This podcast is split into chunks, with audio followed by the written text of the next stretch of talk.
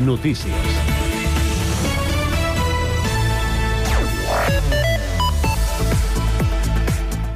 Salutacions, Sant Cuat donarà la benvinguda al Nadal amb la tradicional encesa de llums l'1 de desembre a la plaça Octavià a les 6 de la tarda amb un espectacle de dansa a càrrec de l'Escola Fusió i l'Escola de Música Tradicional de Sant Cuat. L'acte s'iniciarà abans, a dos quarts de 5 de la tarda, amb un taller de pintacares i la xocolatada que oferiran estudiants de restauració en l'Institut d'FP Sant Cuat per després fer una cercavila que recorrerà els carrers del centre fins a arribar a la plaça Octavià. L'Ajuntament aposta per una reducció del consum amb més de 382.000 punts de llum que il·luminaran tots els barris de la ciutat, un 10,6% menys de consum energètic que l'any passat. Les populars fires de Nadal i el trenet de Nadal també tornen per aquestes dates tan assenyalades a casa nostra. Els enquatencs Emma Vilarassau i Jordi Bosch han estat dos dels grans guardonats als Premis Butaca de Teatre. Vilarassau ha obtingut l'estatueta la millor actriu i Bosch el millor actor pel seu paper a l'obra Tots eren fills meus, que ha estat escollir millor muntatge teatral. No han estat els únics premis de la creació. Quim Ávila estat reconegut com a millor actor de repartiment i Alejandro Andújar s'ha endut el Butaca a la millor escenografia. Les entitats ecologistes Adenc i SOS Bosch Pulpalleres anuncien que presentaran recurs d'apel·lació contra la sentència del jutjat contenciós número 10 que ordena l'aixecament de les mesures cautelars contra el trasplantament d'arbres previ a la construcció de la mirada al bosc de Volpelleres. La jutgessa va emetre la sentència desestimatòria el 15 de novembre, però no es ferma fins que resolgui aquesta apel·lació. En un comunicat, els ecologistes recorden que les cautelars continuaran vigents fins que resolgui el nou recurs i que, tot i això, el, el decret de sequera impedeix el trasplantament d'arbres. El ple municipal ha aprovat inicialment el pressupost del 2024, que serà de 144 milions, un 5% menys que el de 2022 i que es va prorrogar per al 2023.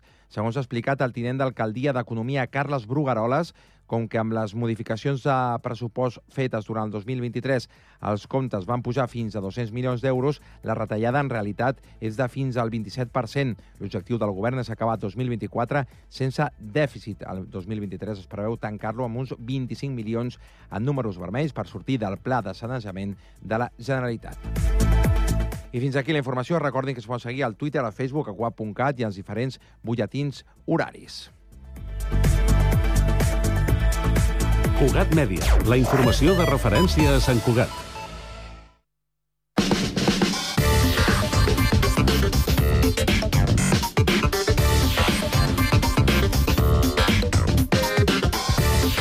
Cinc de la tarda, 3 minuts, inici de la segona i última hora d'aquest Connectats de dimarts. Informació de servei, anem al trànsit per saber com estan les carreteres a aquesta hora de la tarda. Mireia Camats, bona tarda. Hola, bona tarda. A hores d'ara hi ha alguns problemes a la xarxa viària catalana. L'autopista P7 i retencions a Barberà del Vallès en sentit Tarragona, la B30, a Barberà en tots dos sentits. A la C58 hi ha trams de retenció de Ripollet a Barcelona en sentit sud. A la C59 hi ha Palau, Solità i Plegamans en sentit sud. A la C17 hi ha retencions a parets en tots dos sentits. A la Poca Nord, a la B20, aturades a Santa Coloma de Gramenet en sentit Barcelona. També destaquem la C32, Salenteix la Marxa, Sant Boi de Llobregat en sentit sud per anar cap a Sitges i a la C14, 13A hi ha retencions a Rubí en tots dos sentits per obres. Repassem tot seguit la situació a les rondes de Barcelona. A la ronda dalt hi ha retencions de Pedralbes a Collserola en sentit Besòs i de l'Ons de la Trinitat a la Via Júlia en sentit Llobregat. I a la ronda litoral hi ha retencions de Zona Franca al Port i a Bon Pastor en sentit Besòs i de Rambla Prima a la Barceloneta en sentit Llobregat. És tot des del Servei Català de Trànsit. Bona tarda. Gràcies i bona tarda, Mireia. I anem ara al Transmet per saber com està funcionant el transport públic. Héctor Molina, bona tarda. Doncs avui dimarts parlem de normalitat a la xarxa de transport públic de l'àrea metropolitana. Els principals operadors de transport no han informat de cap incidència, així que les diferents línies funcionen sense cap alteració destacable, on es mantenen les freqüències i horaris habituals tant dels serveis ferroviaris com de bus. De moment, això és tot des del Transmet.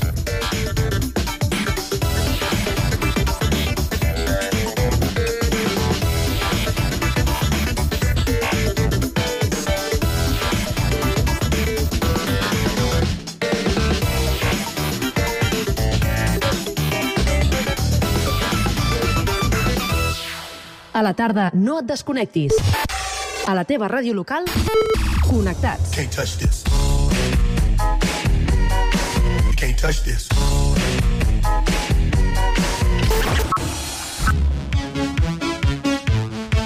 Can't touch this. Can't touch this.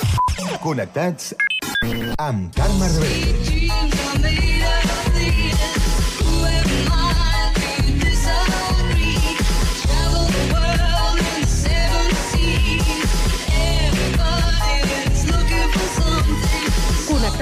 Una experiència radiofònica a Sabadell, Terrassa, Sant Cugat, El Prat, Castellà i Badalona.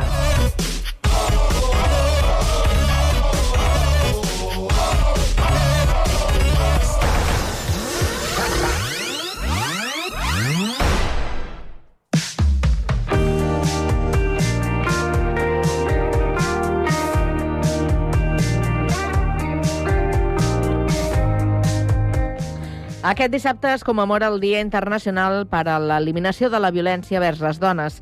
Una jornada que, malauradament, és més necessària que mai, i és que en el que va d'any ja són 52 les dones assassinades per la seva parella i 13 que han estat víctimes mortals de violència masclista fora de la parella. Víctor Asensio, bona tarda.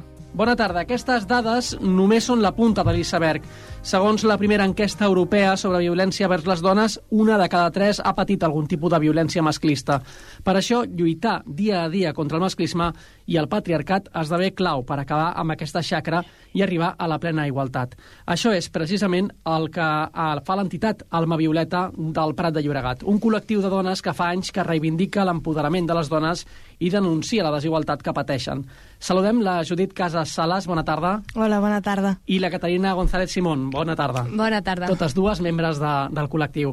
Sí. Expliqueu-nos, aquest dissabte sabem que es commemora, com deia la Carme, el 25N, però aquí al Prat l'acte institucional, l'ac- l'acte gros es fa sempre el dia abans, en aquest cas divendres. Uh -huh. uh, vosaltres com hi participareu? Perquè sempre teniu algun paper. Sí, nosaltres eh, sempre in, encapçalem la marxa que recull a totes les persones que vulguin participar per anar fent camí fins a la plaça Catalunya, que és on es fa l'acte central.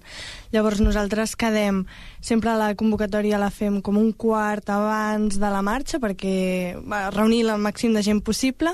Quedarem a les 5.45 a la Font del Lleó, que és a l'Avinguda Verge Montserrat amb Frederic Soler, i allà a les 6 encapçalarem la marxa fins a, fins a la plaça Catalunya. I a dos quarts de set comença l'acte central, que eh, aquest any bueno, sempre fem una performance, però l'acte es representa una obra de teatre que parlaran de les diferents violències, que aquest any està centrat en les violències sexuals, i, i després la, la nostra performance està allà tot el dia, des de les 12 del migdia. I això, el 25 també, teniu la pròpia acció, no? El dia 25, que és el dia internacional d'aquestes vers contra les violències vers les dones, vosaltres també hi participeu d'alguna manera. Sí, eh, com deies, es fa un dia abans, més que res perquè com que el 25N pròpiament es fa la gran marxa a Barcelona, doncs eh, es pot fer diguem, recollida de la gent del Prat per anar fins a, fins a la ciutat i participar en la gran manifestació de, de Barcelona. Imagino que aquests dies esteu treballant, preparant tot, ultimant els detalls, eh, molta feina, imagino, no, Caterina? Sí, molta feina.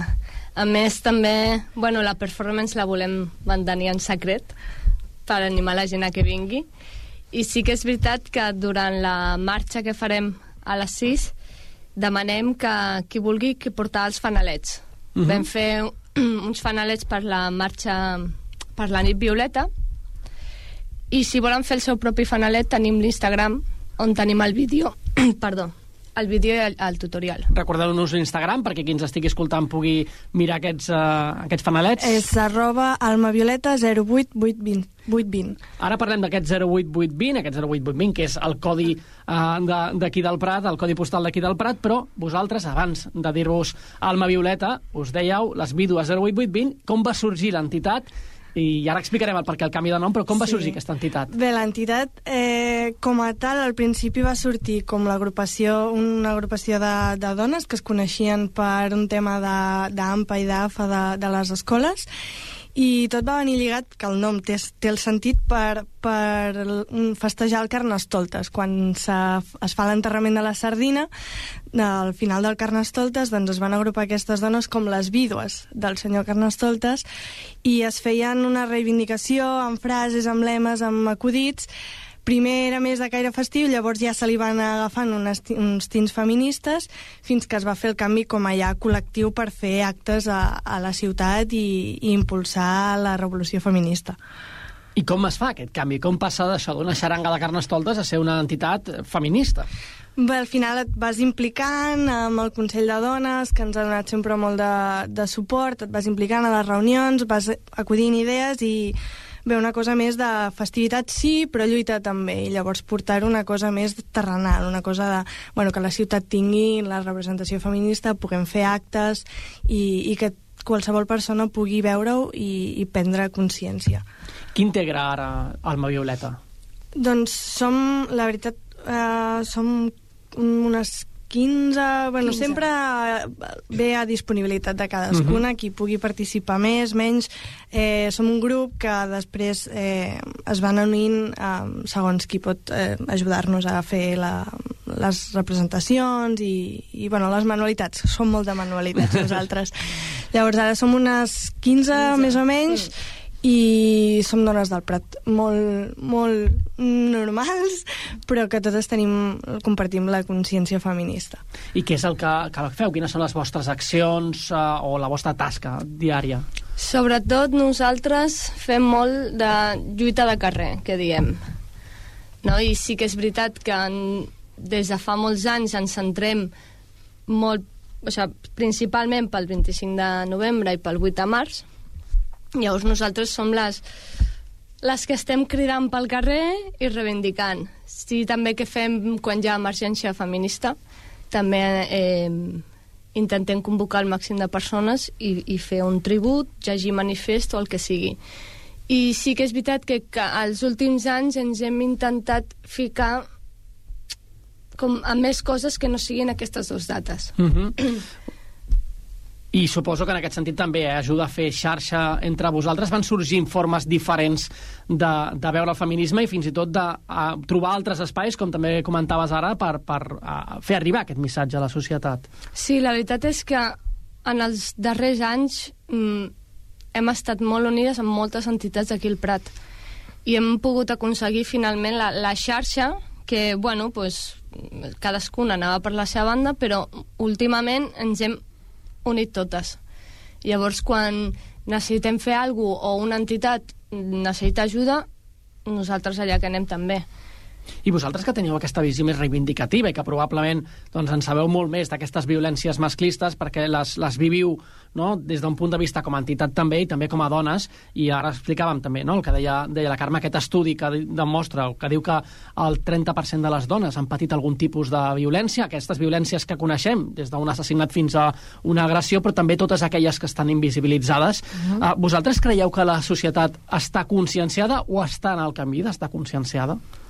Jo penso que la consciència cada vegada creix més.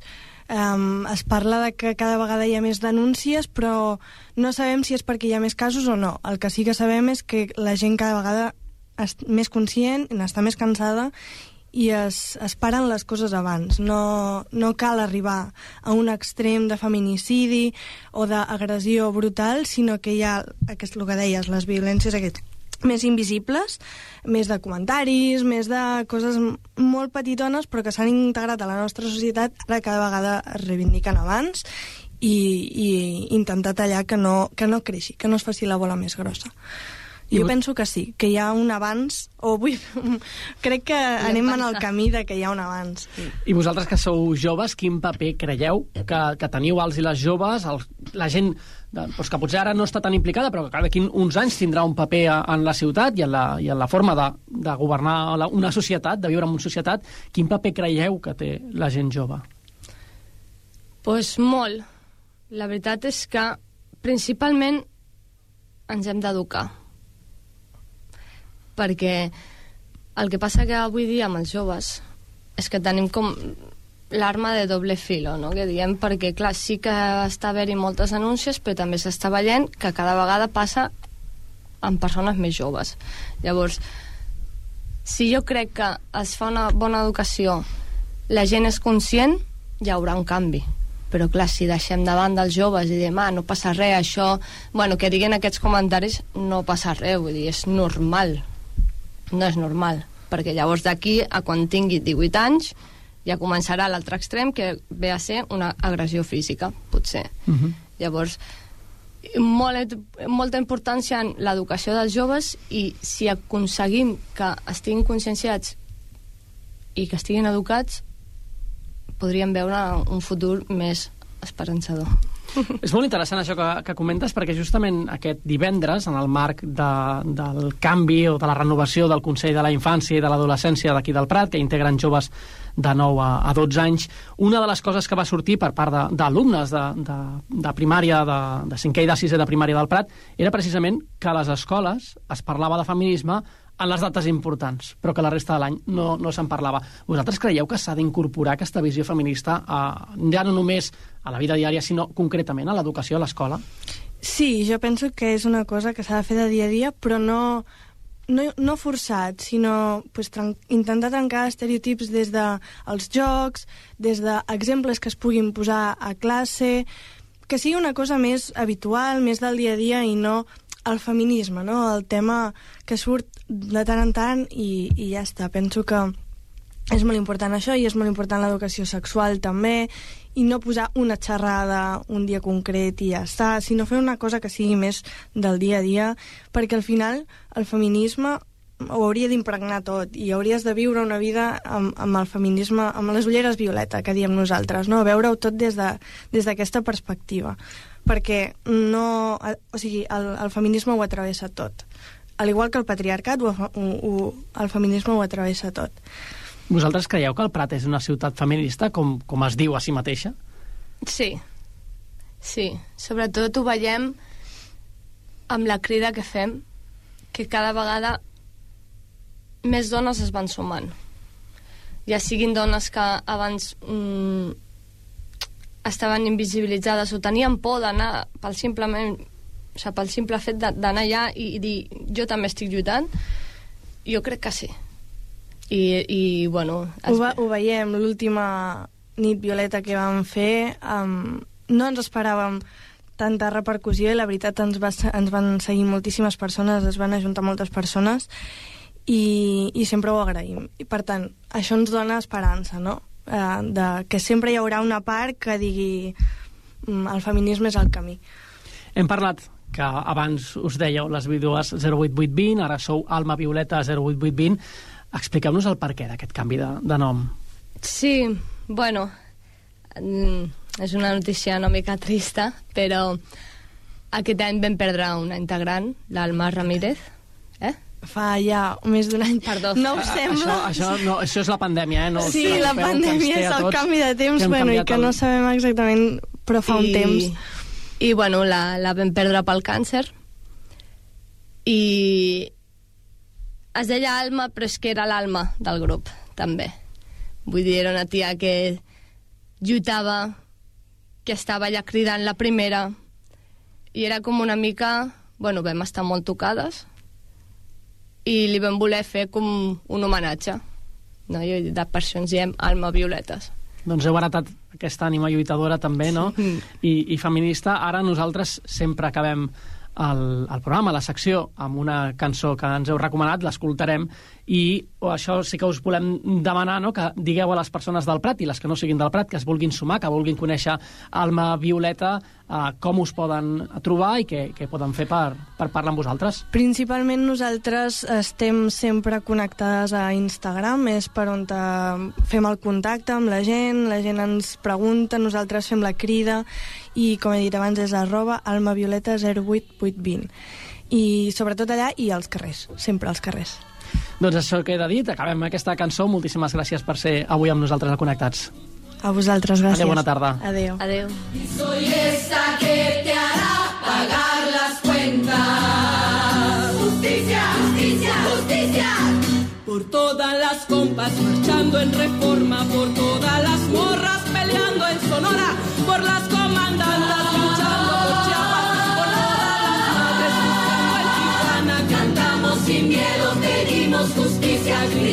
Por cada desaparecida. Que resuene fuerte, nos queremos vivas.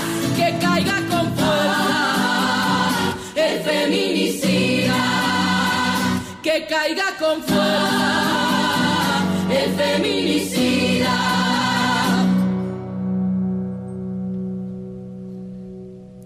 y retiemblen sus centros la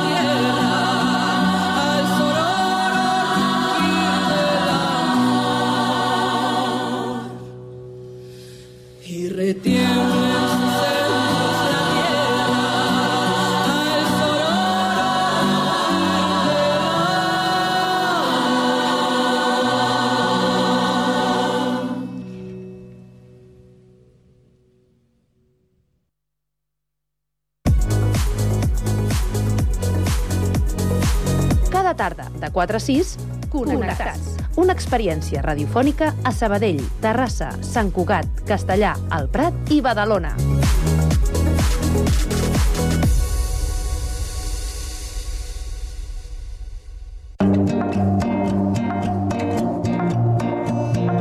Bocabadats. Aquest podcast és una producció de Ràdio Sant Cugat.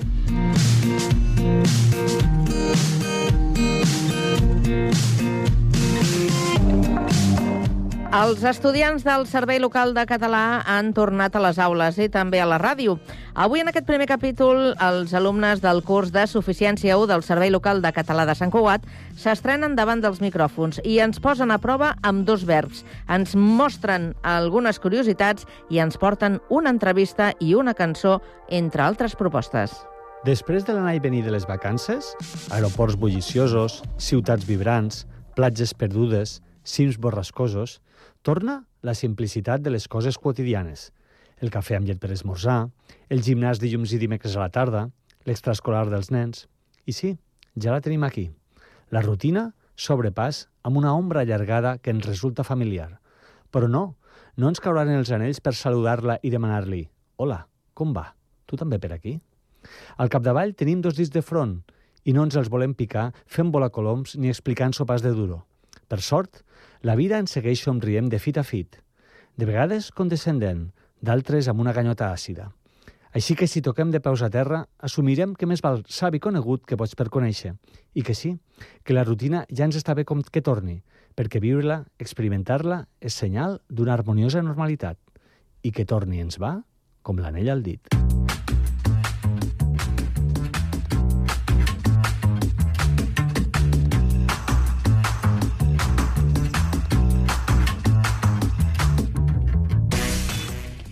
Hola a tothom. El meu nom és Marta i us porto un resum del que podreu escoltar a partir d'ara, que ja us avanço que és un contingut 100% genuí elaborat per nosaltres, alumnes del nivell de su- suficiència 1 de català de Sant Cugat. Anem amb el menú d'avui. Primer, la Sole i l'Iris ens sorprendran amb curiositats de la llengua. Després, la Sílvia i la Desiré hi posaran el ritme en una cançoneta molt estiuenca. A continuació, l'Alicia i la Isabel ens posaran a prova amb dos verbs molt semblants. L'apunt literari anirà a càrrec de la Mila, que ens recomanarà una bona lectura. Seguidament, la Carme i la Pilar són una parella que ens ajudaran a no equivocar-nos. I acabarem amb l'entrevista lingüística de la Corina. Què us sembla? Teniu ganes d'acompanyar-nos? Va, som-hi!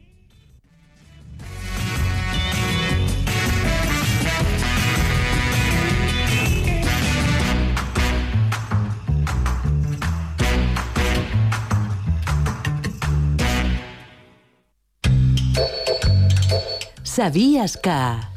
Hola Iris, com ha anat per Galícia? Has vist la teva família? Sí, Sole. Sempre és agradable tornar a casa. I mira aquesta curiositat de la qual em vaig adonar. Sabies que la llengua catalana comparteix moltes similituds amb la gallega?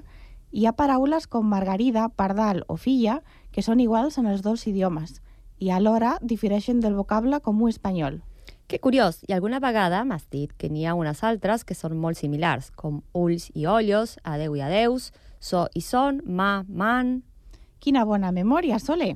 A més, a causa de l'evolució dels idiomes amb el temps i la regió, en català i en gallec, a diferència del castellà, s'han produït canvis fonètics que han portat a la simplificació d'alguns diftongs en una sola vocal, com ferro, hierro, escola, escuela. Doncs mira. Sí, sí. Les dues llengües compten amb set vocals en lloc de cinc, ja que tant la E com la O poden ser obertes o tancades. I han estat fidels a l'arrel llatina a l'hora d'escriure certes paraules amb B alta o amb B baixa. Baleiro, buit amb B alta, vacío amb B baixa, àvia, aboa amb B baixa, abuela amb B alta. Molt interessant. Doncs jo et dic una altra curiositat. T'agrada la xocolata? Clar, suposo que com a tothom. Però sabies que la paraula xocolata prové de la paraula del nàhuatl, la llengua dels azteques a Mèxic, on la xocolata era coneguda com xocolata. Els espanyols van adoptar la paraula durant l'època de la colonització i la van portar a Catalunya i altres parts d'Europa. Per tant, la paraula xocolata en català té la seva arrel en una llengua indígena d'Amèrica. No és interessant? I tant! Bé, i ara la Sílvia i la Desiré posaran una miqueta de ritme amb la seva secció. Sentim-la.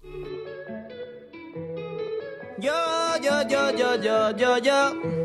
Jo vull anar a la platja amb tu fer l'amor després dinar amb plats bruts. Tardeo de mojito, teteo malbenito, són bones vibes tot el que faig amb tu. Perquè només puc pensar en tu. Tot i que, per fi, arriba la tardor, podem escoltar les nostres cançons preferides d'estiu per recordar el que més ens agrada de les vacances. Avui volem parlar d'una cançó que va sortir l'estiu passat i que ens recorda allò que ens agrada de l'estiu, relaxar-nos a la platja, l'amor i la festa. La platja és una cançó que combina reggaeton, mambo, bachata i techno i va ser tot un èxit entre les cançons estiuenques. Aquests gèneres musicals són dels més escoltats pels joves a nivell mundial, però fins fa ben poc, en català, no hi havia artistes que s'hi dediquessin. El videoclip s'ha gravat a Vilassar de Mar, al Maresme, i representa moments típics d'un dia a la platja i de festa a la nit amb amics. Cal dir que la cançó combina el talent de dos grups catalans del moment, Stay Homes i de Tallets. Sílvia, vols explicar-nos una mica sobre aquests dos grups catalans? Doncs sí, comencem pels Detallets, coneguts com els Tiets, un grup de Mataró que va debutar fa 5 anys. Han guanyat popularitat amb l'estil de la seva música. Barregen reggaeton i trap, formant el que ells anomenen com a trapeton, un fet que ha rebut elogis, com ho ha estat també el contingut de les seves lletres, que es distancien de les temàtiques habituals, introduint-hi humor i tradicions catalanes. Una de les més sorprenents ha sigut barrejar reggaeton amb sardanes. També se'ls ha lloat per contribuir a revifar el català en els catalanoparlants, tot i que experts lingüístics els han criticat per l'abús de barbarismes en castellà, fet que no ha impedit que el volum d'oients no deixés de créixer. L'altre grup és Stay Homes, format per tres músics barcelonins en plena pandèmia. Amb l'expressió de «queda't a casa» li donaren nom al seu nou grup. En el confinament, van compondre i crear cançons i vídeos al seu balcó o terrassa que van fer arribar per les xarxes socials a milers de persones a tot el món.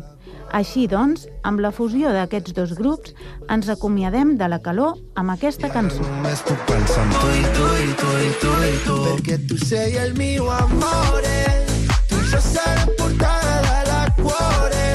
Bagnarnos all'acqua cristallina Che questa mattina fette pico sole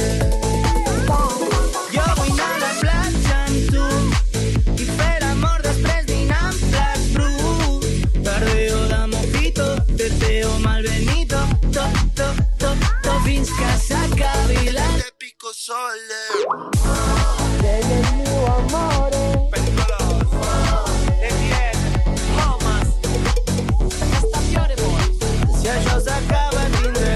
el cor. I ara ens posem a prova amb l'Alicia i la Isabel. Posa't a prova. Bon dia, amics. Avui, en aquest espai de Posa't a prova, volem parlar de quan fem servir els verbs portar, dur, i quan cal utilitzar, emportar-se o endur-se. Per això demanem ajuda a l'Alicia. Alicia, ens podries explicar quan hem de fer servir cadascun? Es una pregunta molt encertada, Isabel. tot i que encara hi ha no tan sols estrangers, sinó catalans, a qui els costa fer aquesta diferenciació. Pel que fa a portar o dur, són molt versàtils. Poden significar, entre altres sentits, desplaçar alguna cosa, com per exemple, demà et portaré o duré la bicicleta. O bé, anar carregat amb alguna cosa damunt. Per exemple, porta el xiquet al braç. Alicia, el verb portar també té algun sentit que no comparteix amb dur, oi? Sí, Isabel, així és. Com conduir. Seria el cas de porta bé el tractor. Per la seva banda, emportar-se o endur-se sempre són pronominals, és a dir, es conjuguen amb pronoms i signifiquen portar amb si a algú o alguna cosa traient-lo d'un lloc o conduint-lo cap a una direcció determinada. Un exemple d'això seria ja s'han emportat al malalt. Per simplificar i que quedi clar, podríem dir que la clau és el context. Portar fa èmfasi només en el desplaçament, mentre que emportar-se implica portar la cosa a un lloc amb un mateix. I és aquest fet amb un mateix el que marca la diferència. Moltes gràcies, Alicia. Has sigut molt precisa amb la teva explicació. Ara estic segura que farem servir correctament aquests verbs. I ara us deixarem amb la Mila, que ens donarà una recomanació literària. L'hora del lector.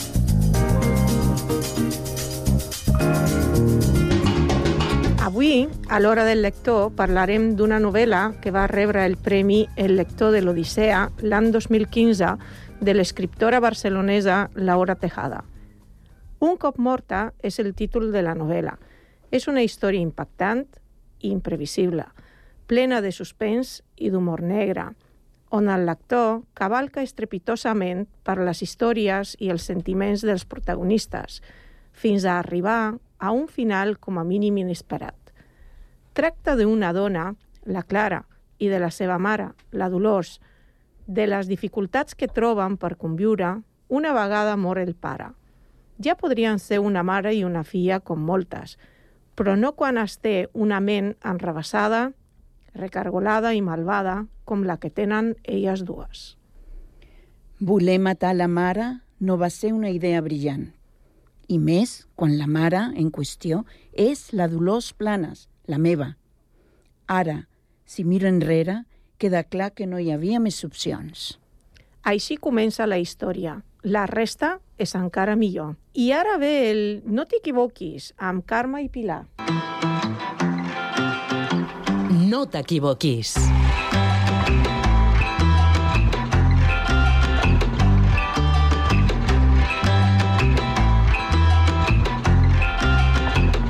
Bon dia, Pilar. Bon dia, Carme. Pilar, avui parlarem del verb lluir. Amb eix o sense? Llu o llueix? Quines preguntes que fas, Carme? Sabies que el verb lluir és un verb incoatiu, però no sempre? Què vols dir, Pilar? No et posis exquisida. Incoatiu vol dir que és un verb irregular, dels acabats amb ir, i que afegeix la partícula eix a la conjugació. Com condueix o fregeix? Exacte, això mateix. Però el que passa és que lluir de vegades es conjuga com condueixo, fregeixo i d'altres no. Llavors, com ho hem de fer?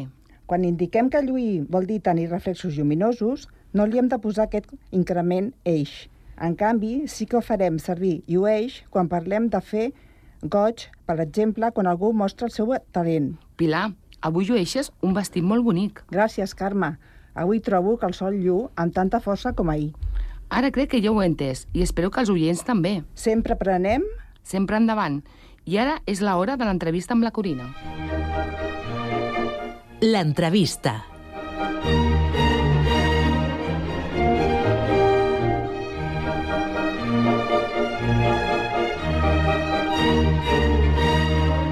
Avui parlarem amb l'Astrid, que és una amiga meva que va néixer i ha viscut tota la seva vida a Sant Cugat.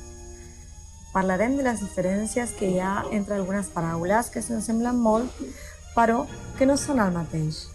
Per a això és important que tinguem en compte sempre el context i la intenció del missatge quan parlem. Bon dia, Astrid. M'agradaria fer-te algunes preguntes sobre alguns curiositats lingüístics del català.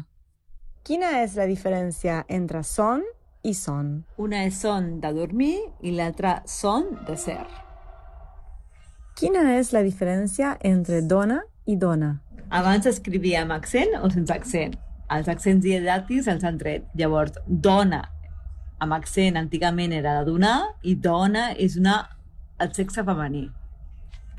Quina diferència hi ha entre la paraula més i més amb accent i sense? Diferències entre la paraula més i més, un amb accent i sense. S'escriu amb accent quan es refereix a un adverbi o un adjectiu quantitatiu. I s'escriu sense accent més quan es refereix a una part de l'any.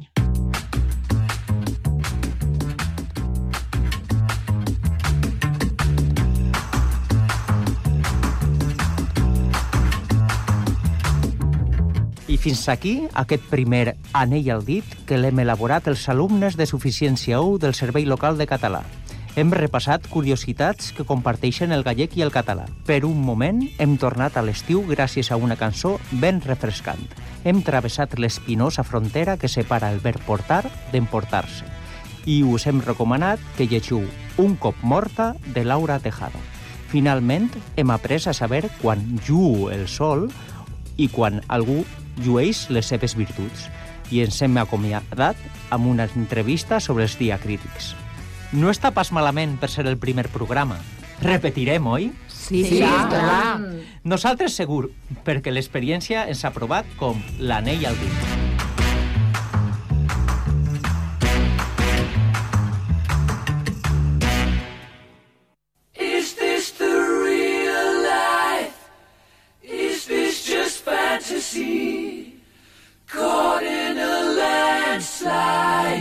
Escape from reality. Open your eyes, look up to the skies and see. I'm just a poor boy. I need no sympathy. Cause I'm easy come, easy go. El 21 de novembre ha estat un dia important en més d'una ocasió per la banda britànica Queen. El conjunt liderat per Freddie Mercury arribava tal dia com avui del 1981 al número 1 de les llistes del Regne Unit amb la cançó Under Pressure, interpretada conjuntament amb David Bowie. Però és que aquest mateix dia, sis anys abans, el 1975, es publicava el seu quart àlbum, A Night at the Opera, es tracta d'un treball que va trencar tots els esquemes de classificació i expectatives. La varietat d'estils inclosos es fa palesa en aquest Bohemian Rhapsody.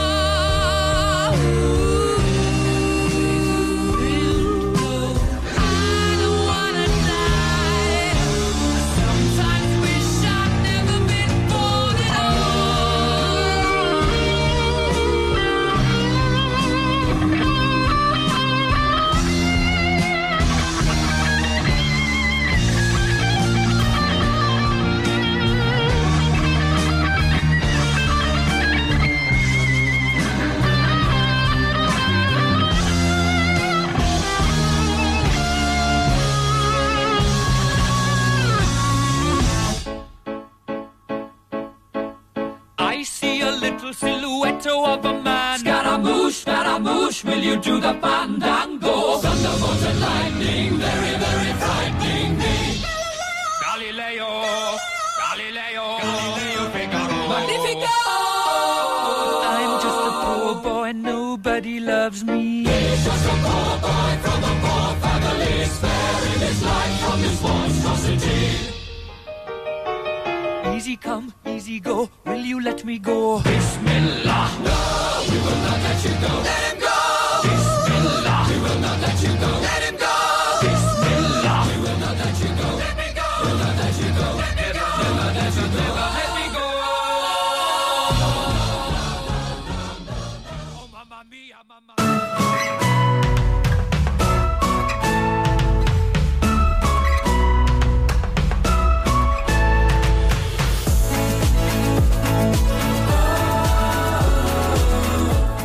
El Museu de Badalona acull una exposició dedicada al modista Joan Antoni Fàbregas, que reuneix un conjunt de vestits i complements dissenyats per ell. En parlem amb la directora del Museu de, ba de Badalona, Margarida Abres. Què tal? Bona tarda, Margarida. Hola, què tal? Bona tarda. Bona tarda. I també saludem a la nostra companya Andrea Romera, que es troba als estudis de Ràdio Ciutat de Badalona. Andrea, bona tarda. Bona tarda. Bé, doncs avui coneixem uh, qui, qui ha estat eh, Joan Antoni Fàbregas, però sobretot perquè és important la seva figura, Margarida.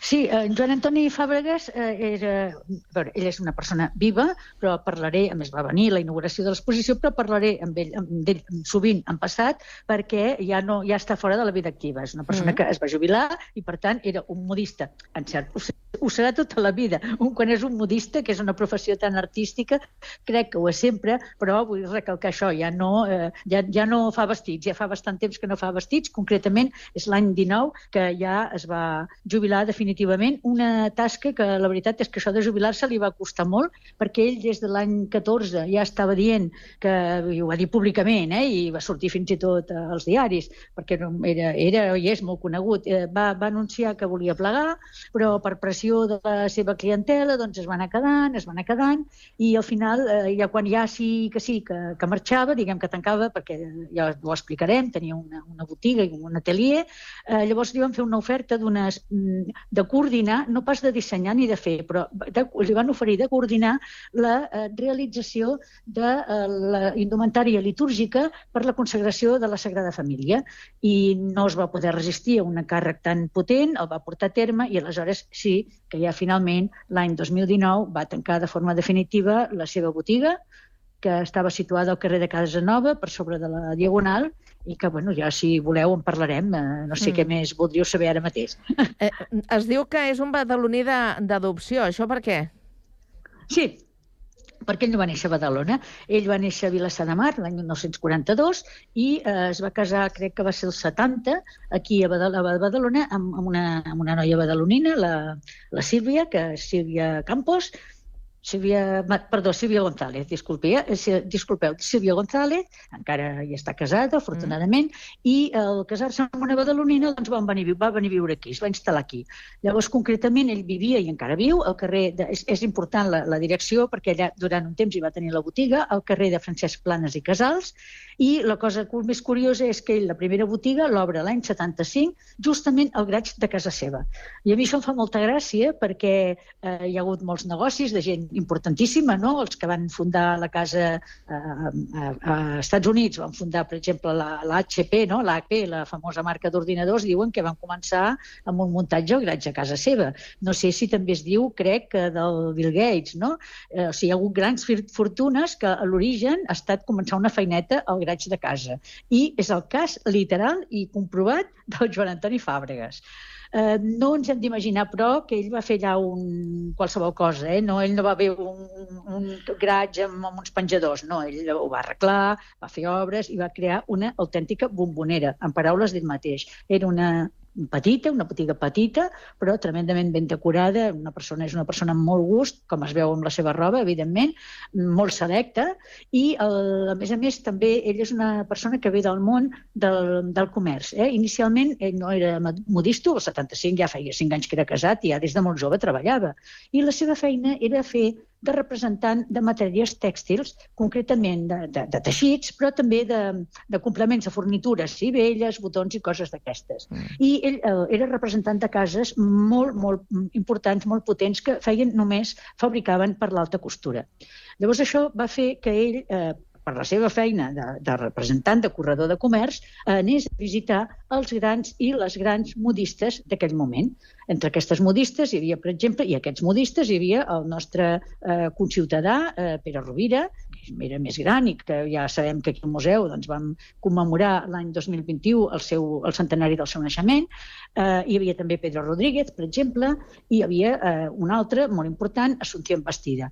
Esmento aquests dos darrers perquè van ser l'Assumpció Bastida i el Pedro Rodríguez. En Rovira diu que tenia molt bona relació, eh? però els que realment li van ficar al cap la idea de fer de, de fer-se modisto van ser l'Assumpció Bastida i el Pedro Rodríguez. Mm. Per què? Doncs perquè quan ell anava a vendre'ls i roba, amb ells i altres, a vegades eh, era un, és un home molt creatiu i llavors eh, quan els hi venia la roba, el complement, i els hi feia, ai, mira, això quedaria molt bé, llavors aquest estampat quedaria molt bé per fer un vestit així. I els hi feia un dibuixet. Llavors aquests modistes que, que en sabien tant i, i que estaven, bueno, estic parlant d'alta costura, de la més alta costura del nostre país, no? I apreciaven tant aquests modelets que ell els improvisava allà, així com de broma, no era de broma, però vull dir d'una manera poc professional, professional, no? perquè ell ho feia com un divertimento. Ell el que tenia era mm, de, de la roba, no? però no era modista. I un dia li van dir, escolta, però perquè tu tens molt gust. Hem fet alguns, alguna vegada van agafar algun model seu i el van confeccionar. Així, mm. fet, fet així, com que diu, que diu espontàniament, no? I li van dir, tant el, el Pedro com l'Assumpción, li van dir, home, mm, tu, tu podries plantejar de, de fer modista, coneixes molt els materials, clar, això és bàsic, eh? Coneixement de les possibilitats de la tela, tens gust, coneixes els proveïdors, saps les clientes que volen, perquè quan ens vens a nosaltres tu saps perfectament què et comprem i què volem, prova-ho perquè tens possibilitats de tenir molt èxit. I aleshores ell és quan fa aquesta, inicia l'aventura d'una manera, mm, no diria que modesta, eh? perquè com m'he comentat, mm, ja era un, ell va, va apuntar de seguida a l'autocostura, vull dir que mm, i, i va fer una presentació, ara ho explicaré, va fer, va fer una cosa molt maca per presentar-se en societat aquí a Badalona, però sí que amb una, amb una mesura, diguem, petita, no? fins que ja, eh, entorn dels 80, o l'any 80 crec que és, que obre una la segona botiga, la, la del carrer Casanova, que és la que he esmentat jo primer, que mm. aquesta serà la que, la que continuarà, perquè la llarga ell mantenir dues botigues, la de Badalona no hi devia sortir compte, i la de Barcelona era fastuosa. Era una tu, tu la vas conèixer, la botiga de Barcelona? Sí, sí, sí, sí. Eh, entraves allà, a veure, jo no, no he tingut eh, mai... Eh, segurament algú sí que el tinc, però el poder adquisitiu per vestir-me amb fàbregues, mm. doncs no, no, no l'he tingut mai. Eh? Però vaig tenir l'ocasió d'anar-hi perquè ell, precisament, quan va començar a decidir que es volia jubilar, va tenir l'amabilitat de... de jo, jo me'n vaig assabentar per una amiga, que li estic molt agraïda, la Carme Imà, i que els coneixien, i llavors li vaig trucar sense, sense conèixer-ho de res, eh? I li vaig dir, mira, que soc del Museu de Badalona, em vaig presentar i diu, ah, doncs mira, si veiem, doncs perquè sí que em faria il·lusió donar-vos roba. Mm, clar, ell tenia força roba que no és, eh, alguna cosa potser li havia quedat per vendre, però majoritàriament era roba de prototipo, la roba que se'n provaven o que les clientes veien a la botiga i que ell no la venia perquè els hi feia mida a les clientes. Eh? Per tant, són una, és una roba que més té sempre una talla molt mitjaneta mm, i és molt, molt, bueno, una roba molt, molt maca i molt d'aquell moment. I aleshores hi vam anar amb una companya, ens ho vam estar mirant. Nosaltres no som un museu especialitzat especialitzat en tèxtil, però com a mm, autor badaloní doncs, sí que vam triar, que ell ens va ajudar molt també a fer una tria que tingués coherència, que hi hagués una mica de tot. Eh? Ell, per exemple, treballa molt bé el tema dels vestits de núvia. Bueno, doncs nosaltres, evidentment, tenim un vestit de núvia, no? Eh, però també doncs, roba més del pret-a-porter i el gran tema d'ell, que és el vestit de llarg, que, que, que la gent es posava, les grans senyores es, es posaven i es posen per anar a una festa gran, per anar al liceu la nit de l'estrena. Això ara ja cada vegada és menys, però encara encara existeix aquesta, aquest costum no? per, part de, una part, per part de la societat que, que s'ho pot, pot permetre i que, que li agrada jugar això. No? Aquesta exposició... Ai, per... sí. Margalida, no, no, sí. Aquesta exposició que, que acull el Museu de Badalona és una col·laboració amb la Fundació Antoni de Montpalau, Exactament. oi? Sí, és que la, la, una part, eh, d'això just anava a explicar, una part eh, és, de peces ens les va donar nosaltres i una altra part, més gran, la va donar a uns col·leccionistes, una col·lecció privada que es diu Col·lecció Antoni de Montpalau, que només eh, recull peces tèxtils. És una col·lecció especialitzada que tenen una... Bueno, també van col·laborar amb nosaltres amb el Pedro Rovira, quan li vam, el Pere Rovira, quan li vam fer l'exposició, i nosaltres bueno, ens vam entendre molt bé i ens ha anat molt bé fer aquesta col·laboració per dos motius. El primer, perquè nosaltres hem pogut aportar vestits, però ells també n'han pogut aportar, vestits i altres materials, perquè també hi ha complements, i després perquè ells, el, el, concretament, el director de la Fundació, que és en Josep Casamartina, i el conservador, que és eh, l'Ignasi, ai, perdó, Ismael Núñez Muñoz, eh, tots dos són persones que estan molt especialitzades en la història de, del teixit i de la moda. I, per tant, mm, ells tenien, en aquest sentit, al museu, doncs, tenim personal excel·lent, però no amb aquesta especialitat. I llavors ells han estat els que han fet la labor de, de comissaris, els que han donat el contingut, i alhora han estat els autors, en especial l'Ismael Núñez Muñoz, eh, que ha estat l'autor de l'estudi sobre Joan Antoni Fàbregas, que ho hem publicat amb un llibre, eh, amb un petit text també de, del Josep Casamartina. Eh, nosaltres amb els mitjans eh, personals que tenim, ja dic que, que tenim una gent estupenda, però mm, no tenim ningú especialitzat en aquest tema i això ha permès fer també la publicació, de manera que crec que ha estat una bona, una bona simbiosi que ha donat uns fruits prou, prou interessants. Quantes peces s'hi exposen en total? Crec que són una setantena, no, no ho recordo bé, mira, ho estava buscant i la veritat és que no, no recordo ben bé, però crec que una, una setantena, una cosa així. Són, la majoria, mm, és un, a diferència de la del Pere Rovira, són dos modistos que tampoc s'haurien, modistes, perdó, que no s'haurien de comparar, són de moments diferents, mm, i el Pere Rovira, a veure, en Joan Antoni Fàbregas és importantíssim, però el Pere Rovira estava encara més al top 10, eh? això també ho hem de dir. Però té, és molt diferent perquè la del Pere Rovira tenia molta varietat, en el sentit que tenia vestits de festa, de còctel, però també en tenia molts, que eren clarament d'alta costura, però que eren de tot portar. En canvi, el, en Joan Antoni Fàbregas, i crec que reflecteix també molt, ella és d'una època posterior i es reflecteix bastant com ell ha, hagut de tra ha treballat per la demanda que ha tingut, hi ha vestits de tot portar, però la immensa majoria són vestits de moda, vestits a debò, vestits a gala, d'aquests que, que són llargs, que estan fets amb unes, amb unes teles d'aquestes que són sedes italianes i de no sé on, aquestes robes doncs, sofisticades. N'hi ha un que no és llarg del tot, però que és un vestit que està pintat a mà. Vull dir que el, el, tenen, eh, això sí que igual que el Rovira, tenen unes característiques de qualitat que són les que fan que es distingeixi aquesta confecció, que se'n diu alta costura, de la resta, que és materials, mm, la primera matèria, el teixit, els complements, els botons, tot és de primeríssima qualitat, la confecció és superpolida, mm, una, una, la labor de la modista, i ho dic en femení perquè aquí sí que les, les cosidores són dones, normalment, en aquest cas, és, mm, són unes professionals extraordinàries que saben treballar allò amb una mm, exactitud i una pulcritud extrema i després eh, són peces que tenen sempre evidentment i per això llueixen tant un disseny original, un disseny ben pensat, un disseny molt adequat al tipus de roba, un disseny molt adequat també al tipus d'esdeveniment pel qual servirà aquell vestit. Eh? I bueno, jo crec que això defineix bastant el que és l'alta costura i, i voldria esmentar doncs, que en Joan Antoni Fàbregas, per exemple, no tenim noms de clientes, però sí que l'Ismael, que l'Ismael Núñez, quan va fer l'estudi, ell sap i ho publica, que ell va vestir, per exemple, més d'una invitada de la boda de la infanta Cristina, que va tenir lloc a Barcelona, o a més d'una de les senyores que van assistir a la reinauguració del museu, del museu, perdó, del Liceu, després que es cremés, eh, quan el van reinaugurar, i treballava, treballava també a nivell internacional. Eh? Clar, això et volia preguntar, tenia sí, clientes sí, de tota Espanya sí, i de tota Europa, sí, pràcticament. Sí, Aquestes clientes sí. visitaven Badalona? O sigui, venien a la botiga de Badalona o ja directament era la de Barcelona? Que, jo crec que a vegades... Eh, no, a Badalona no, perquè quan ell, eh, de fet, quan ell eh, es torna més internacional eh, és quan se'n va justament a Barcelona, perquè creix. Eh, ell, quan està aquí a Badalona, té una clientela en, en general més domèstica. Quan, i tot i que... Ah, sí, abans us he dit que us explicaria que va fer una inauguració aquí a Badalona molt refinada, i és que va tenir una idea molt bona. És que és una persona molt imaginativa imaginativa. El dia de la, això a Badalona, eh? Uh, per la inauguració va enviar una invitació, una, bueno, va, va demanar adreces, no? va, va aconseguir les adreces de la Jet Society de la nostra ciutat i va invitació, enviar una invitació a les senyores acompanyada d'una rosa. Clar, aquesta és una presentació molt bonica i va tenir un èxit fulminant des del primer segon. Però, clar, justament aquest èxit, i també suposo que eh, aquí a Badalona segurament la clientela local tampoc li, li donava per, per poder-se expandir i llavors és quan passa Barcelona que ell creix més i a mi ell m'havia explicat que a vegades havia també fet alguna feina eh, per, mm, diguem, com per correspondència, no? Allò que li, Margarida, Margarida estem ja acabant, sí. estem acabant el programa. Em oh. sap molt de greu haver-te de, de deixar, no res. de deixar-te amb la paraula a la No boca passa perquè res. la història que estàs explicant Veniu és realment... Això mateix. M'agradaria saber, digue'm fins quan eh, teniu aquesta exposició per anar a revisitar. Sí, la tindrem molts de dies. Mira, fins al 31 de març. I tot el que he explicat està explicat a l'exposició i al llibre.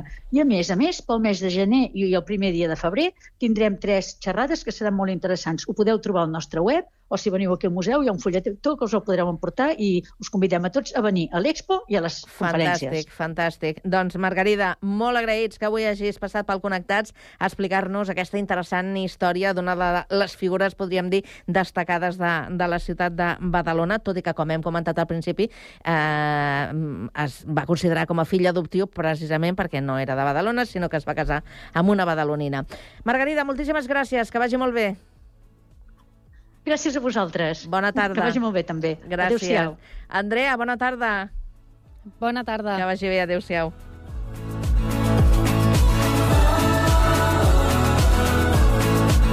I fins aquí arriba aquesta edició de dimarts del Connectats. Demà més ens hi posarem a treballar per preparar cosetes interessants per una edició que arribarà, com sempre, a partir de les 4 i 3 minuts. Gràcies a tots per la companyia, que vagi molt bé.